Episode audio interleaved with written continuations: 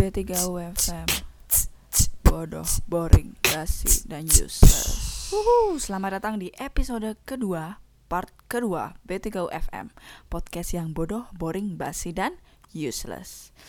Wah, ternyata meluangkan waktu untuk membuat podcast itu tidak mudah ya. Di sela-sela kesibukan dalam bekerja. Bahkan ini sampai satu bulan setelah aku pergi dari Thailand aku mau baru mau bikin lanjutan dari podcast yang pertama jadi aku agak-agak lupa sih sebenarnya ada beberapa hal yang mungkin nanti aku lupa ketika ceritain. Tapi nggak apa karena judul podcast ini adalah useless. Jadi kalau lupa ya nggak apa memang ya memang nggak bermanfaat gitu podcast ini. Oke okay? langsung kita mulai part kedua di Bangkok ngapain aja naik? Apa bayar berapa?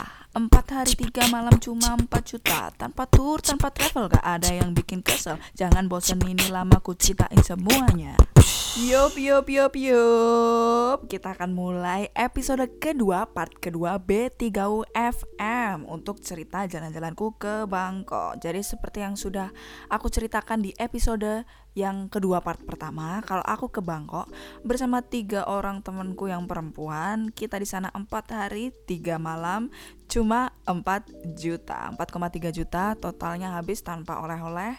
Dan di sana kita tidak menggunakan tour dan travel apa pun. Jadi benar-benar berdiri di atas kaki sendiri. Oke langsung akan aku ceritakan bagaimana membuat itinerary itinerary. Biasa sih aku masih nggak tahu ya pokoknya rencana perjalanan 4 hari 3 malam di Bangkok itu ngapain aja supaya bisa hemat begitu oke jadi hal yang pertama harus disiapkan itu adalah tempat-tempat mana aja yang ingin kalian kunjungi, makanan-makanan apa saja yang ingin kalian coba. Nah, dari situ kami dulu bikin list ya.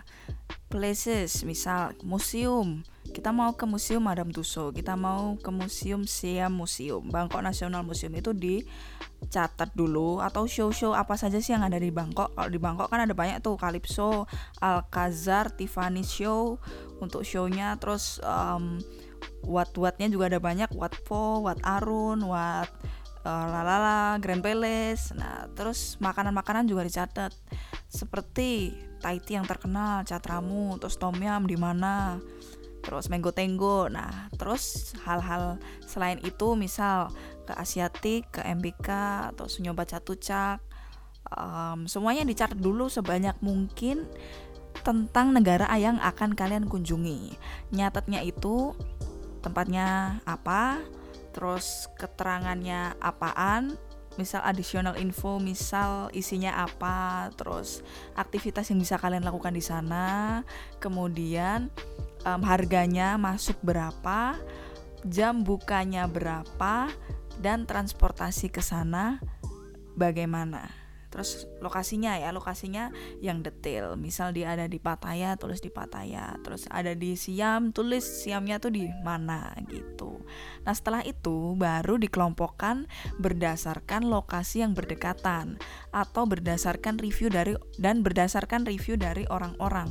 Jadi misal nih kalian udah nulis berbagai macam what yang ada di Thailand. Whatnya apa sih candi ya?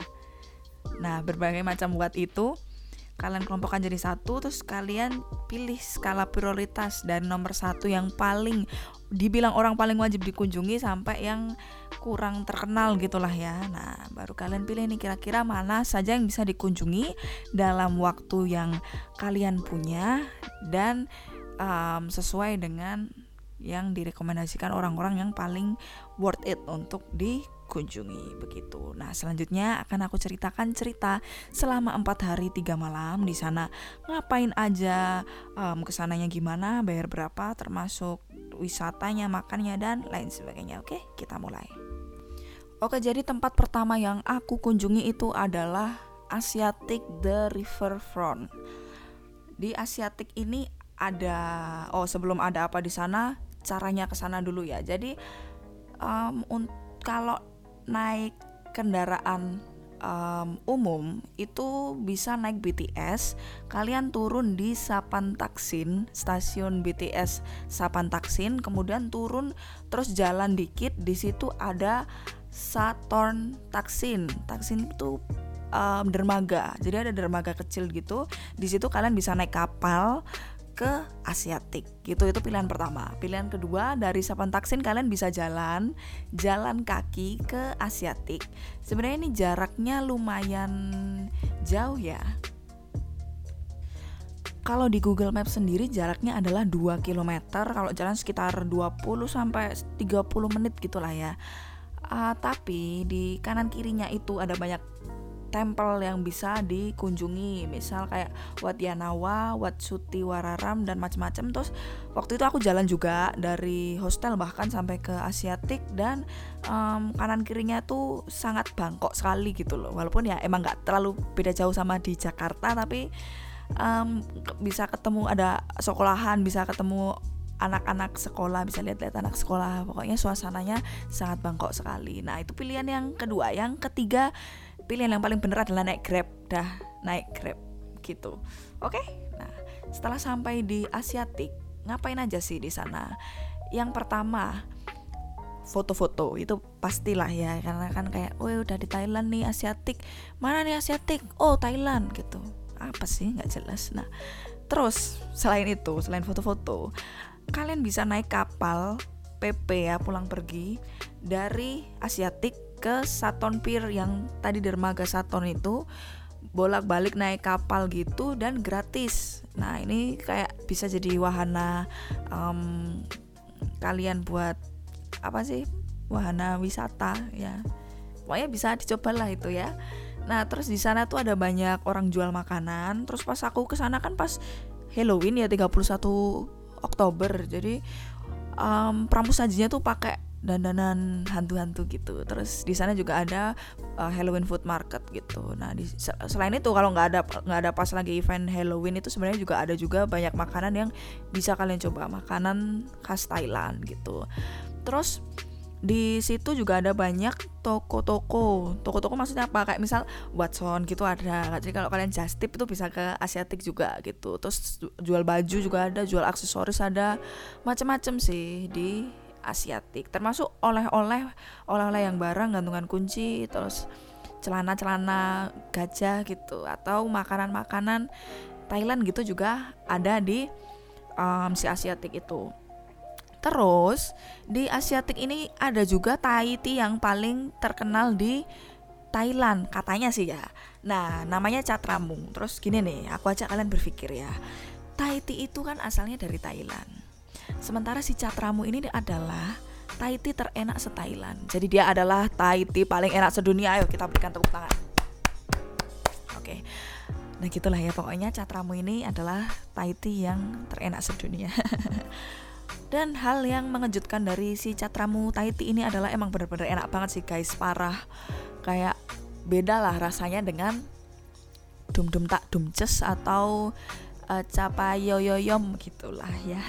Terus nih ya selain itu harganya juga kalau kita ke dum dum tak dumces itu lah 20 21 apa 23 ya gitu ya. 23 ribu rupiah nah ya.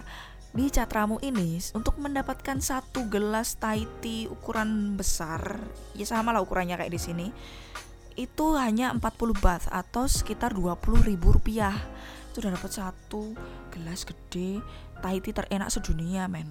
Terus habis itu gelasnya tuh bagus lah pokoknya nggak plastik gitu. Nggak penting ya pokoknya enak banget. Kalian harus coba catramu ini yang ada di Asiatik. Nah satu hal yang um, penting yang wajib dikunjungi sih menurutku ya di Asiatik ini sebenarnya adalah um, kabaret show-nya. Nah, jadi di Asiatik ini kami memang mau nonton kabaret show Calypso. Kabaret show Calypso ini apa sih? Alah Lady Boy, Lady Boy, ngerti kan ya? Ya, jadi Thailand tuh kan sangat terkenal dengan Lady Boy-nya. Nah, um, jadi dia punya beberapa kabaret show, beberapa show Lady Boy di Thailand ini.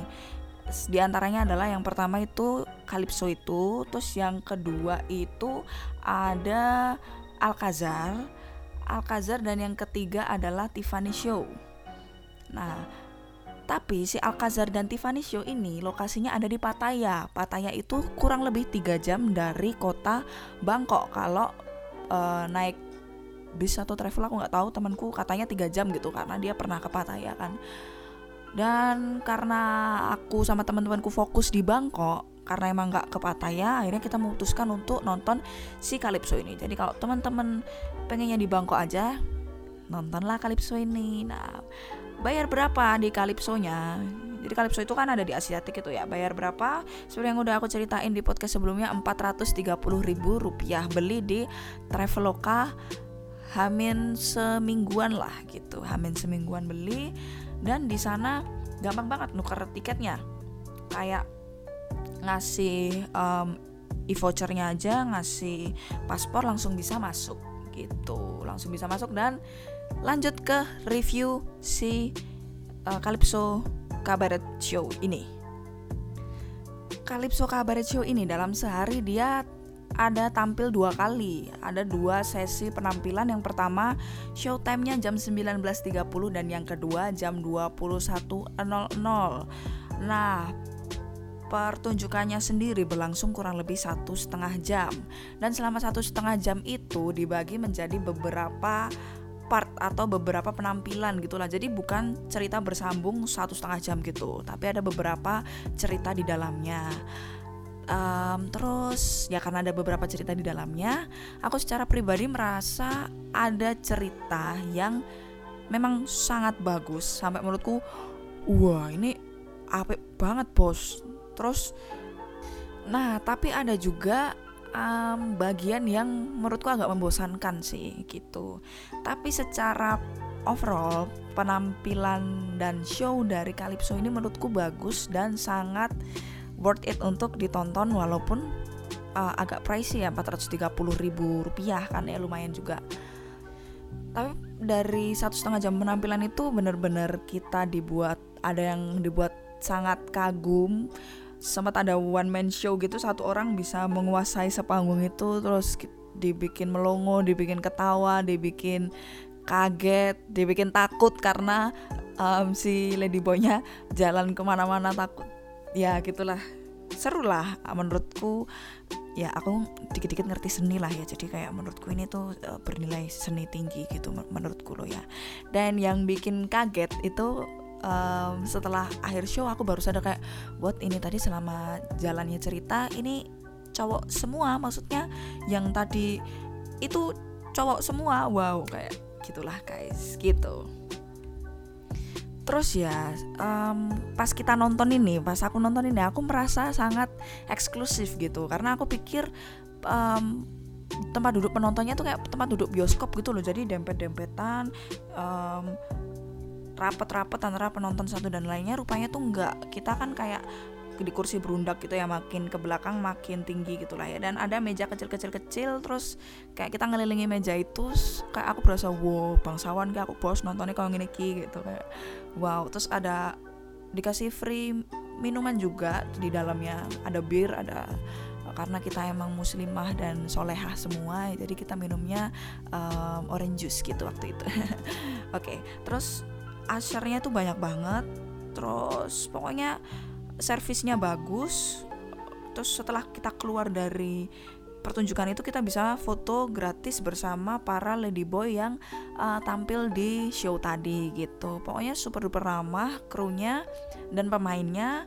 Shownya bagus tempatnya enak nyaman terasa eksklusif sangat worth it untuk ditonton kabaret show Calypso di Bangkok Thailand Lanjut ke tujuan destinasi. Tujuan destinasi. Tujuan wisata kedua yang aku kunjungi di Bangkok. Nah, tujuan selanjutnya ini adalah satu komplek gitu ya. Kita ke Grand Palace dan ke tempel-tempel yang ada di sekitar Grand Palace itu. Nah, sebelum aku bahas Grand Palace-nya, aku mau ngasih tahu dulu tentang aturan pada saat kita di lokasi tersebut. Jadi ada aturan baju yang cukup ketat. Jadi nggak boleh pakai legging nggak boleh pakai celana pendek nggak boleh pakai tank top gitu kayaknya juga nggak boleh deh. Pokoknya baju-baju yang seksi-seksi yang celana pendek-pendek ketok udele gitu ketok kele gitu gak boleh guys. Jadi mending kalian berpakaian yang sopan santun kayak di Indonesia aja gitu loh. Nggak usah kayak kayak eh jadi boleh nih aku ke luar negeri pakai baju seksi. Ah nggak usah ya kalau ke Grand Palace dan sekitarnya gitu. Karena emang di depanku itu ada ibu-ibu mau pakai legging padahal celana panjang legging tapi tetap tidak boleh masuk oleh security yang ada di Grand Palace itu. Jadi daripada nggak boleh masuk nih mending pakai baju yang sesuai aturan gitu pilihan transportasi yang bisa kalian pakai kalau mau ke Grand Palace dan sekitarnya. Yang pertama kalian bisa naik MRT. Nah, turunnya sendiri di stasiun MRT Sanamchai. Nanti bisa jalan sekitar 500 meter sampai ke Wat Po. Begitu. Nah, pilihan yang kedua ini yang paling bener ya. Kalian naik Grab. Udah bareng-bareng naik Grab sampai duduk enak nah gitu nah kemarin aku ke Grand Palace terlebih dahulu jadi Grand Palace ini sebenarnya kan um, tempatnya raja ya. Uh, komplek rumah dan ada museumnya juga terbuka untuk umum. Terus di situ aku ini agak kesiangan ya. Jadi um, tips juga buat teman-teman yang mau ke sini ini kan dia bukanya jam 8.30 ya. Jadi mending kalian pagi-pagi itu langsung aja ke Grand Palace karena yang pertama dia nggak terlalu panas kan ya kalau pagi. Karena kan Bangkok emang panas banget. Terus yang kedua dia tidak terlalu ramai kalau masih pagi. Karena aku datang tuh kurang lebih jam setengah 10 atau jam 10-an dan ya Allah itu kayak orang se dunia itu berkumpul di situ gitu loh. Ada yang mau pakai bahasa Jepang ada yang mau pakai bahasa Mandarin bahasa Inggris bahasa Spanyol apa pokoknya orang-orang banyak banget ngumpul di situ sampai aku pusing nggak bisa jalan gara-gara isinya rombongan kayak satu rombongan itu 20 30 orang gitu mah rame banget. Nah jadi mending kalian dari pagi di situ terus supaya bisa kalau foto nggak terlalu rame juga di belakangnya. Tapi kayaknya memang nggak sulit nih di Grand Palace sendiri nih. Nah di Grand Palace sendiri untuk kalian bisa masuk di um, kompleksnya itu gratis. Tapi kalau kalian mau masuk lagi ke tempat nih Temple of the Emerald Buddha itu kalian harus bayar lagi 500 baht atau sekitar 250 ribu rupiah. Nah waktu itu sebelum ke sana tuh aku udah baca review-review gitu kan dari orang-orang.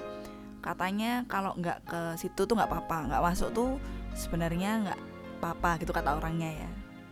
Jadi mending ke Wat Po dan Wat Arun kalau mau masuk. Nah, di Grand Palace-nya cukup di luarnya aja karena menurutku nih 500 baht kan lumayan juga. Terus ruame banget udah pusing. Akhirnya kita memutuskan cuman foto-foto dari luar karena memang dari luar kelihatan kan. Terus akhirnya kita lanjut ke tujuan berikutnya yaitu Wat Po kita jalan dari um, Wat sorry dari Grand Palace tadi ke Wat Po itu sekitar 10 menit lah ya 800 meter. Gitulah Watpo itu apa sih Watpo? Jadi um, kalian pasti tahu nih tempat yang ada patung Buddha tidur raksasa, giant reclining Buddha.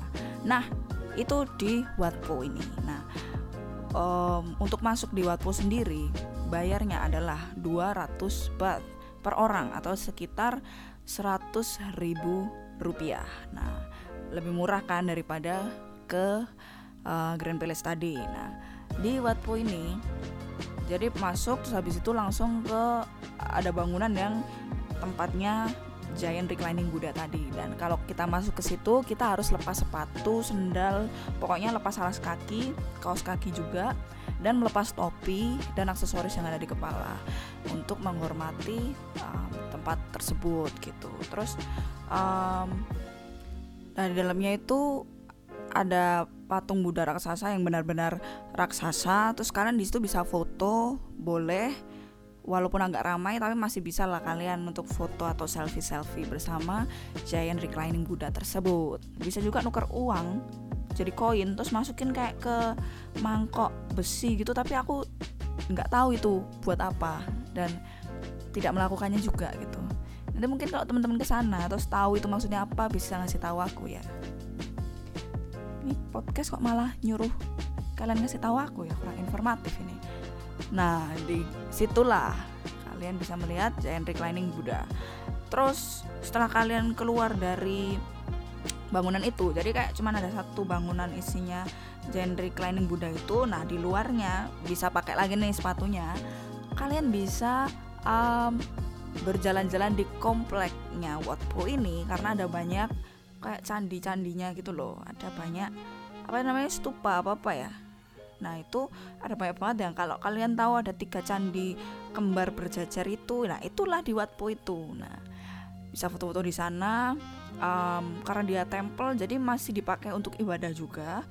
Terus uh, arsitekturnya semuanya itu sangat Thailand. Jadi ini sangat fotoable dan sangat insta instagramable nah kalian bisa hunting foto di situ karena tempatnya itu Thailand banget lah gitu bos. Dan di Wat Po ini tidak terlalu ramai seperti di Grand Palace. Jadi ketika kalian foto kalian masih bisa dapat foto yang nggak bocor di belakangnya nggak ada kepala kepala kepala orang begitu. Pokoknya di Watpo ini tempat fotonya tuh ada banyak banget spot fotonya. Nggak cuman satu dua spot yang menarik. Kayak uh, pintunya aja itu sangat Thailand sehingga bisa jadi tempat foto yang bagus dan layak untuk diupload di feed Instagram. Gitulah. Nah setelah kita puas berfoto di Watpo kita lanjut ke tujuan berikutnya. Masih di sekitaran kompleks itu yaitu ke Wat Arun. Nah, kalau mau ke Wat Arun ini kita harus nyebrang sungai. Nyebrang nyebrang river. Kita jalan dulu keluar dari Wat ke ada kayak dermaga kecil gitu ya. Aku mau nyebutin namanya tapi kok di Google Maps pakai bahasa Thailand ya nggak bisa baca aku. Pokoknya nanti kalian jalan lah ke dermaga itu naik kapal untuk menyeberangi Chao Phraya River. Bayarnya super murah si um, kapalnya yaitu 4 bat per orang atau 2000 rupiah per orang. Tapi memang kalinya tuh nggak terlalu gede jadi 10-15 menit sampai lah. Nah oke. Okay. setelah turun dari kapal kalian jalan sedikit langsung sampai ke Wat Arun Biaya masuk Wat Arun super murah 50 bat atau 25 ribu rupiah Terus di dalamnya Wat Arun tuh yang mana sih? Wat Arun tuh yang candi putih. Nek kalian googling Thailand terus keluar candi yang warnanya putih. Nah, itu tuh, itu Wat Arun. Nah, nah bangunan utamanya tuh si candi putih itu. Um, terus tidak seramai di Grand Palace tadi walaupun ya lumayan rame juga tapi kalian masih lah bisa curi-curi cari foto yang uh, nggak ada kepala orang di belakangnya. Nah di situ kita bisa ngapain aja? Bisa foto satu. Karena memang bagus spot foto yang bagus terus sangat Thailand banget lah uh. terus habis itu kalian bisa naik ke candinya. Berbeda dengan di Wat uh, Wat Po tadi karena si candinya tuh nggak nggak ada tangganya gitu loh. Kalau di Wat Arun kalian bisa naik sampai um, tengah gitu lah. Nggak sampai ujung sih karena medeni banget bos. Aku cuma naik satu level aja udah kayak takut pas mau turun lagi. Karena tangganya emang agak curam kan. Terus bisa naik bisa foto di atas. Wes pokoknya foto foto foto foto untuk konten gitu. Nah Katanya sih di situ kita bisa naik kapal untuk makanin ikan. Tapi karena tadi pas naik uh, kapal dari Watpo ke Wat Arun ini agak mabuk ya. Itu kan kapalnya kan kapal kecil gitu ya. Terus anginnya gede jadi aku agak mabuk jadi nggak lana itu gitu nggak nggak yang makanin makanin ikan itu nah dari sekian banyaknya um, temple yang ada di sekitar situ. Jadi nggak cuman Wat Arun dan Wat Pu aja ya sebenarnya, tapi emang dua ini yang paling terkenal. Dan karena hari sudah siang, terus kayak kita udah capek, itu cuman ke Grand Palace, ke Wat Po dan ke Wat Arun tuh udah capek mak jalannya. Akhirnya kita menyudahi tour untuk um, area temple di Bangkok Thailand. Nah, memang temple-temple ini tuh sangat wajib dikunjungi untuk kalian yang datang ke Thailand karena ibarat kata kalian ke Singapura itu kan harus ke Merlion walaupun di situ ya sebenarnya nggak ngapa-ngapain gitu loh. Nah, karena tempel ini kan masih dijadikan sebagai tempat ibadah yang aktif ya. Jadi di situ kalian bisa ketemu biksu dan biksuni. Jadi um, rasa sakralnya tuh masih ada gitu di situ. Jadi ya tempat wisata yang beda gitulah rasanya ya. Terus ditambah lagi, nah menariknya tempel-tempel ini adalah kalau misalkan ya di Indonesia, kalau kita mau nyari candi itu kan harus ke Jawa Tengah dulu kan maksudnya mau cari Prambanan atau Borobudur dari pusat um, negara dari ibu kota Jakarta kan atau ya jauh ya nah kalau di Thailand itu di Bangkok ibu kotanya tempat wisatanya banyak di situ dan candi-candinya itu juga ada di situ tempel-tempelnya itu jadi aksesnya sangat mudah terus tempatnya juga um, bagus nyaman terawat dengan baik tidak terlalu mahal untuk biaya masuknya pokoknya sangat recommended dan harus banget datang ke tempel-tempel yang ada di Bangkok ini. Kemudian di situ juga ada banyak tuk-tuk yang menunggu kalian ya. Misal dari Grand Palace kalian mau jalan ke Wat Po, itu pasti banyak banget tuk-tuk yang nawarin kalian buat um, dicoba. Nah, bisa juga kalian mencoba tuk-tuk itu karena memang salah satu icon terkenal di Thailand adalah si tuk-tuk itu. Info tambahan nih ya, kita setelah dari tempel-tempel itu kita makan di Old Siam Plaza. Kita makan KFC di sana. Old Siam Plaza ini boleh juga lah dicoba walaupun bukan plaza yang terkenal di Bangkok, tapi ya nggak apa-apa lah. Kenapa nggak boleh nyoba kan? Nah, terus um, plusnya adalah di sana ada musola. Jadi kalau kalian mungkin nyari tempat untuk makan sekalian uh, ibadah, bisa dicoba di Old Siam Plaza ini nggak nggak terlalu jauh dari Wat Arun tadi nggak terlalu jauh dari Grand Palace juga gitu guys di malam harinya kita nyoba ke night market. Dan night market yang kita kunjungi hari itu adalah Racada Train Night Market. Di um, rencana perjalanan awal yang kita buat sebenarnya kita pengen ke kawasan night market ya. Tapi setelah sampai di Bangkok terus kita buka-buka review lagi, terus kita sempat tanya driver Grab juga di sana, rupanya lebih recommended untuk datang ke Ratchada Train Market Train Night Market ini. Nah, untuk ke situ cara yang bisa kalian pakai adalah naik MRT turun di stasiun Thailand Cultural Center. Thailand Cultural Center. Nah, dari situ kalian bisa jalan berapa ya ini dekat banget lah 10 menit lah 5 sampai 5 sampai 10 menit kalian sudah bisa sampai di Rajada Train Night Market tersebut atau cara yang kedua ya kalian naik Grab tapi kalau malam tuh Grab agak mahal ya di Thailand jadi bisa juga kalian naik MRT tadi. Nah di Rajada Train Night Market ini apa sih isinya? Ya kayak night market kayak pasar malam gitu. Dia jual macem-macem ya baju tas sepatu kacamata hitam gelang-gelangan makanan sunduk-sundukan apalagi banyak banget. Pokoknya oleh-oleh juga ada oleh-oleh yang souvenir oleh-oleh baju oleh-oleh tas oleh-oleh makanan juga ada. Terus kayak ya kayak pasar malam gitulah pokoknya. Namanya juga night market ya.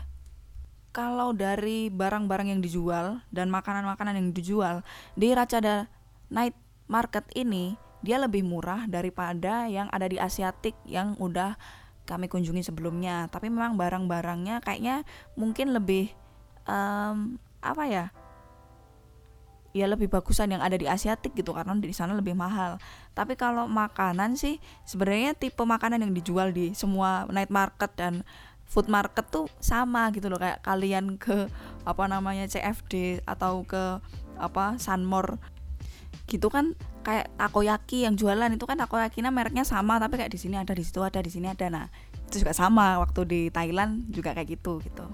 Kalau nyari makanan yang halal memang kayak hampir ada sih beberapa warung yang dia menstate kalau dia halal gitu. Tapi banyak juga yang enggak walaupun dia tidak menjual pork maupun lard. Nah jadi tergantung kalian aja. Kalau kalian nyari yang emang ada label halalnya juga ada. Tapi kalau kalian nyari ya yang penting dia tidak menjual babi bisa juga nyari di sana. Ada banyak kok yang bisa tetap kalian nikmati dan tetap tidak melanggar aturan gitu terus souvenir-souvenirnya kalau di Bangkok ini oleh-olehnya tuh harganya tuh hampir sama gitu loh mau di asiatik mau di night market mau nanti di catucak di mana-mana itu harganya sama. Jadi kalian asal ketemu udah nggak usah lagi hesitating kayak aduh nanti jangan-jangan di sana lebih murah. Wes lihat suka beli aja ya karena harganya tuh kurang lebih sama semua gitu Racada Trainet Market ini menurutku sangat recommended untuk dikunjungi karena yang pertama dia ada banyak banget tokonya,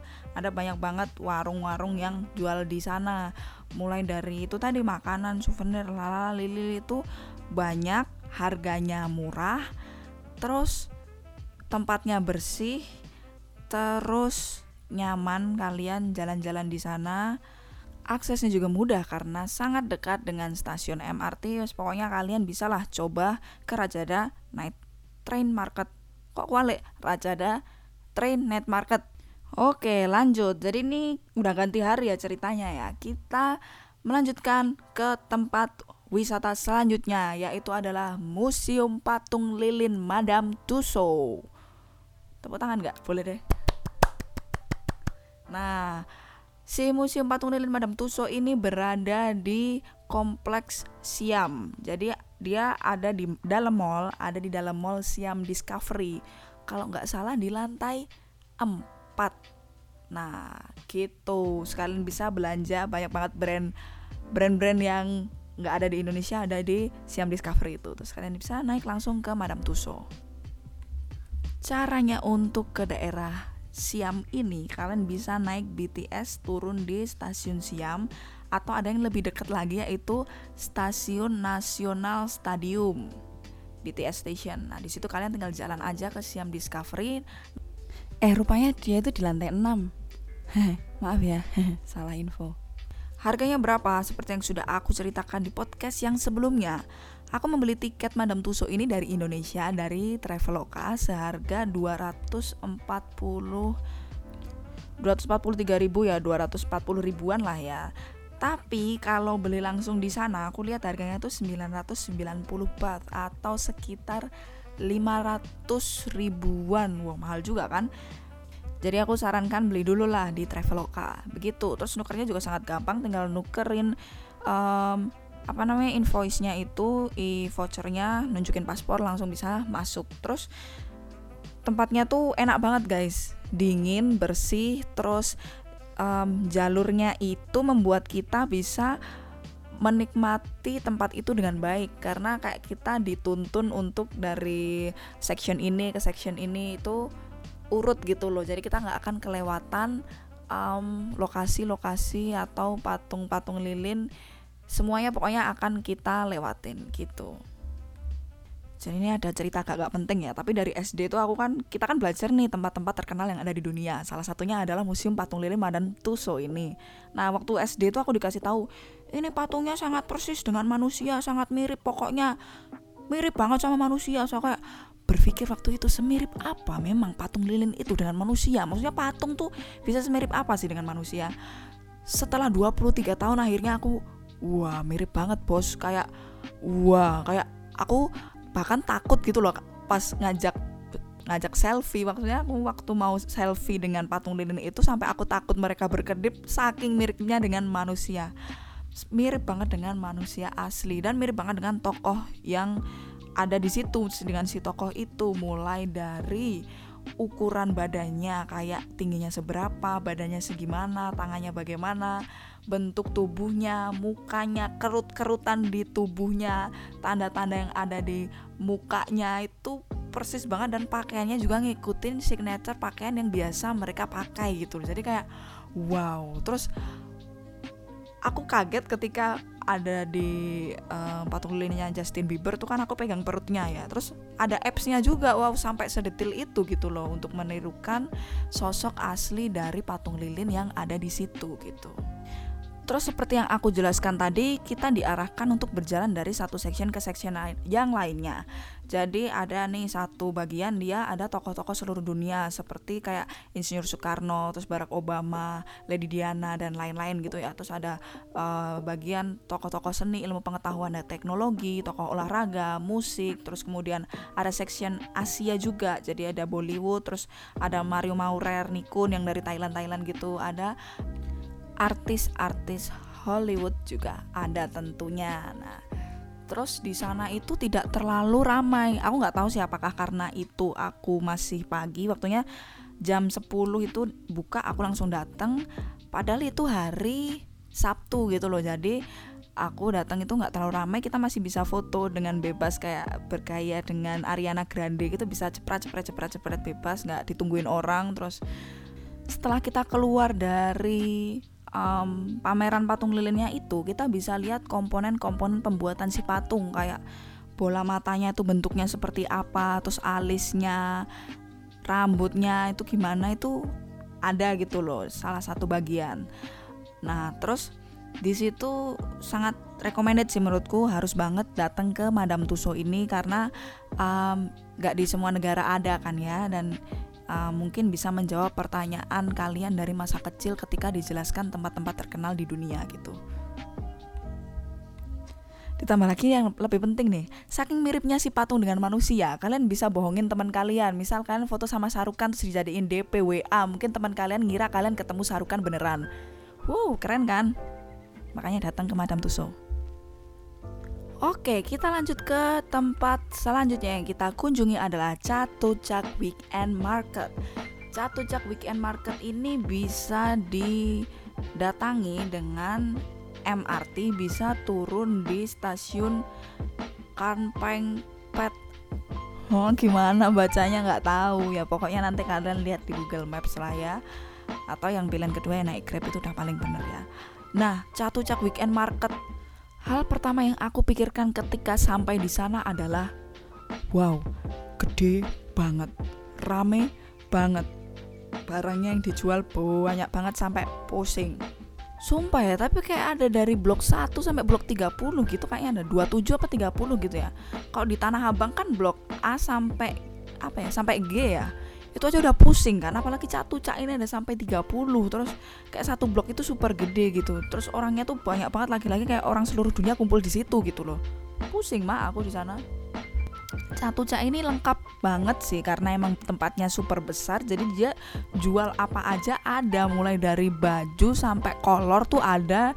Mulai dari makan besar sampai snack-snack mango sticky rice gitu juga ada banyak terus berbagai macam oleh-oleh juga ada di sana oleh-oleh makanan maupun souvenir. Terus harganya murah tapi kalau baju ya aku nanti punya rekomendasi beli baju yang lebih murah daripada di satu cak nanti tunggu ya.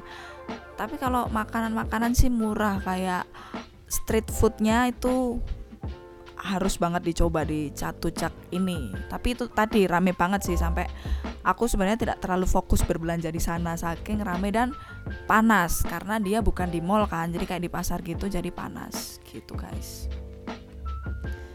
Nah karena ini si Catucak ini rame dan panas, kalau aku sendiri sebenarnya nggak terlalu suka berbelanja di sana. Jadi aku lebih prefer belanja di Asiatik tadi atau nanti habis ini aku cerita nih di MBK atau ada nanti satu tempat lagi di Platinum untuk nyari baju gitu. Tapi kalau kalian memang penasaran ke Catuca karena emang ini adalah tempat yang sangat terkenal di Thailand dan ya udah datang aja gitu loh terus dan lihat betapa ramainya tempat itu gitu dan betapa bisa dibuat pusing karena tempatnya gede dan super ramai.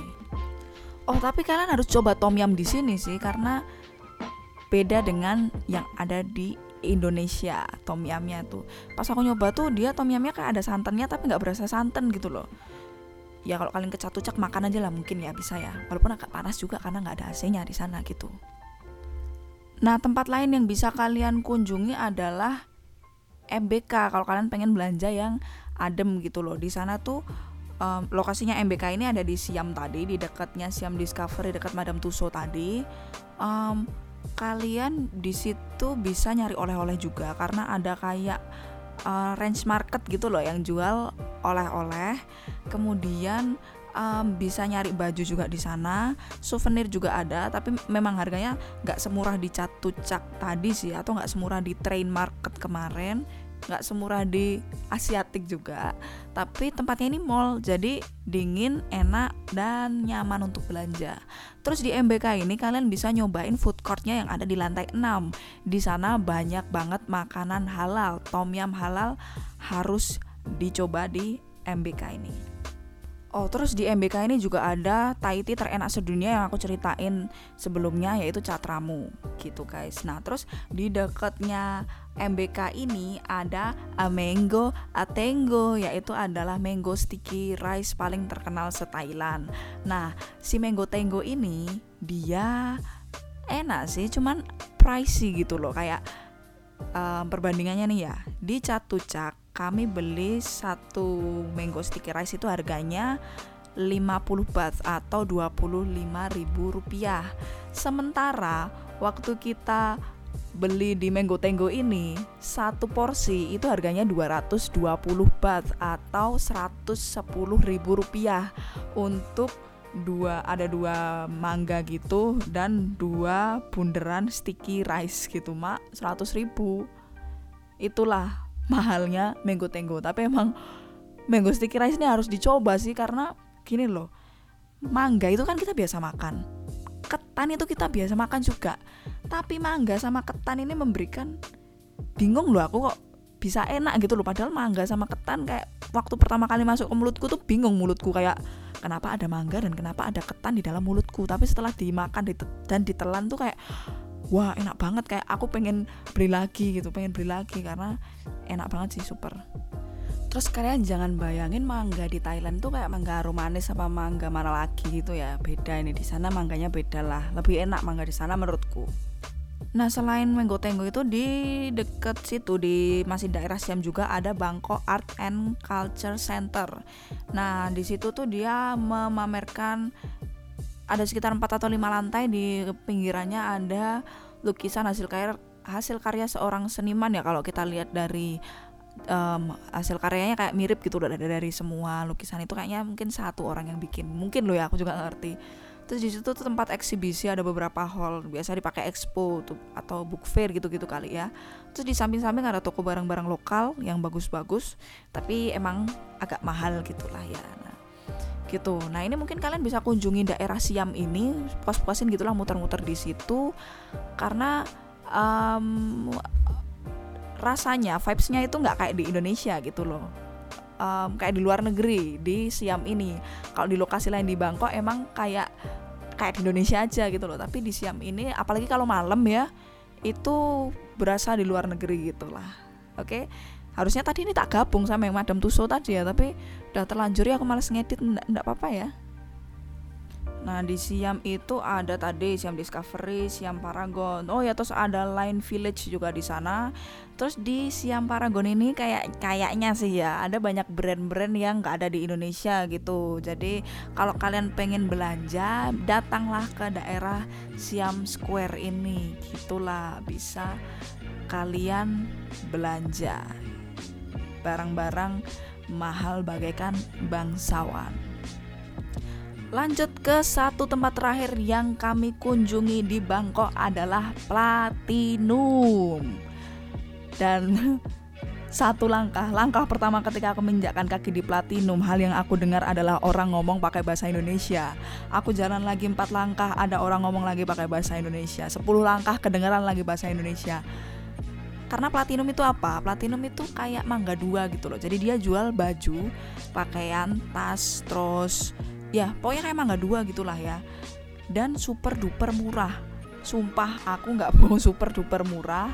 Dan barangnya tuh bagus. Nah kalian kalian kalau kalian mungkin pernah ke mangga dua kalian pasti kan ya mangga dua murah ya karena emang gitu barangnya. Gitu. Tapi di platinum ini enggak. Murah dan barangnya bagus.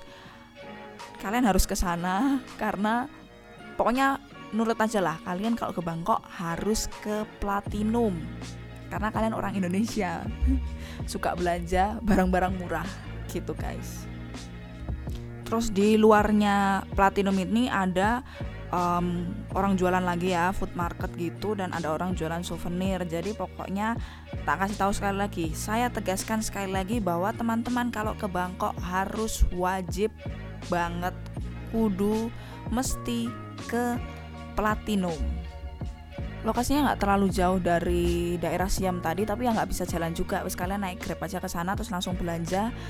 Tapi ingat kalian harus um, batasi diri kalian ya karena aku yakin setelah kalian masuk kalian pasti kalap. Yakin aku. Nah mungkin itu sih tempat-tempat yang kami kunjungi waktu itu ke Bangkok.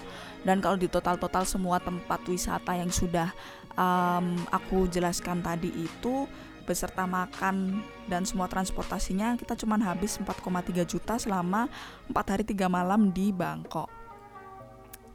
Karena Grab gampang dan kayak BTS dan MRT gitu juga masih bisa lah kita makainya. Jadi kalau tanpa tour and travel kalian tuh masih bisa gitu loh. Kayak kami berempat masih bisa um, datang ke lokasi-lokasi tersebut dengan mudah gitu walaupun ya ada cerita juga kita nyasar kita bingung tanya orang tapi sangat mungkin untuk ke Bangkok sendirian maksudnya nggak ikut tour atau travel dengan biaya yang murah. Mungkin itu sih cerita untuk podcast episode kedua part kedua kali ini. Sebenarnya masih banyak hal yang ingin aku ceritakan. Mungkin aku akan membuat part ketiga.